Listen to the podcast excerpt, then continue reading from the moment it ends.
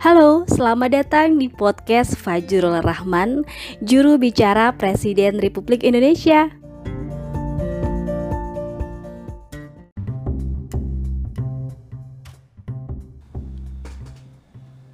Assalamualaikum warahmatullahi wabarakatuh.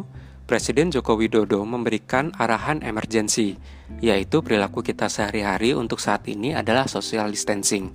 Pengertian social distancing atau pembatasan sosial adalah satu, seluruh aktivitas kita harus berjarak secara fisik ketika bertemu dengan orang lain. Jarak komunikasi langsung jika terpaksa karena pekerjaan, maka jarak minimal adalah 2 meter ya. Dua, kurangi secara besar aktivitas yang melibatkan banyak orang, misal seminar, belanja di mall, arisan, apalagi sekedar nongkrong.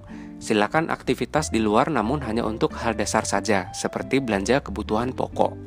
3. Jika harus keluar rumah untuk pekerjaan dan lain-lain, harus disiplin dengan perilaku higienis, yaitu selalu cuci tangan dengan sabun di air yang mengalir sebelum dan sesudah aktivitas di luar. Gunakan hand sanitizer dan jangan sentuh area wajah. Fungsi perilaku pembatasan sosial atau social distance adalah memutus mata rantai persebaran virus COVID-19. Yuk kompak